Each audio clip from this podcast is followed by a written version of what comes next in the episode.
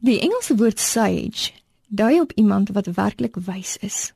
Iemand met lewenservaring wat alself genoeg foute gemaak het. Iemand wat met 'n diep selfbewustelikheid en 'n diep bewustelikheid oor die algemeen leef. Iemand wat nie hom of haarself te hoog aanprys nie en veral weet hoe feilbaar en kwesbaar hy of sy dikwels is. Iemand wat iets van afhanklikheid van God verstaan. Iemand by wie ander mense kan aanklop. Of in William Shakespeare se woorde, The fool doth think he's wise, but the wise man knows himself to be a fool. Hoeveel sulke mense ken jy? Ek moet eerlik wees dat ek nie so baie sages ken nie. Dalk so 'n handvol. Mense verwag om heelwat sulke mense te vind, maar hoe harder jy soek, hoe minder van hulle kry jy. John Ortberg sê, "The world badly needs wise and flourishing human beings."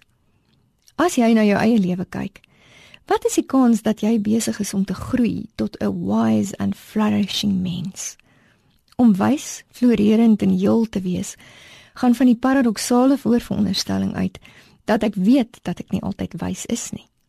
Dat ek nie altyd gesond funksioneer nie en dat ek ver van heel af is. Of soos 1 Korintiërs 3 vers 18 sê, niemand moet homself mislei nie. As een van julle dink dat hy volgens die maatstaf van hierdie wêreld 'n wyse man is, moet hy dwaas word sodat hy werklik 'n wyse mens kan word. Net soos wat 'n sekere boom nie sommer van self opkom nie, maar jare neem om te groei tot 'n boom wat vrug dra en baie aandag en water nodig het om volwassenheid te bereik. Net so is ons interne groeiproses intentioneel. Ek gaan nie sommer een oggend wakker word as 'n wyse, gesonde en heel mens nie. Dit neem baie jare waar groei meestal onsigbaar en onpylbaar gebeur. Al is die groeiproses intentioneel, is die vrug meestal onbewus. As mens iemand ontmoet wat werklik wys is, is dit so seldsaam dat mense dit amper nie eens vir daardie persoon moet sê nie, want meestal weet hulle dit nie.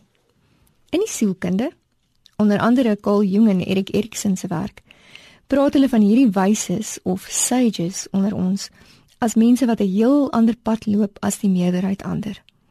Trouwens is dit een van die belangrikste menslike ontwikkelingstake om die integrasie te bereik waar ek as 'n mentor in ander se lewe kan funksioneer. Hier gaan dit natuurlik nie daaroor om 'n mentor in vakkennis te wees nie, want dis nie so moeilik nie, maar om 'n mentor van die lewe te wees. En dan nie omdat ek die lewe reg gekry het nie, maar omdat daar 'n diepte, egtheid en deursigtigheid is waarmee ek die lewe leef. Wat van my iemand sou maak by wie mense kan tuiskom. Dalk is hierdie woorde baie waar. Mind the end as the beginning. Then it won't go wrong. Mag die pad wat jy kies jou meer en meer vorm om sonder dat jy dit weet, een van die wyses te word.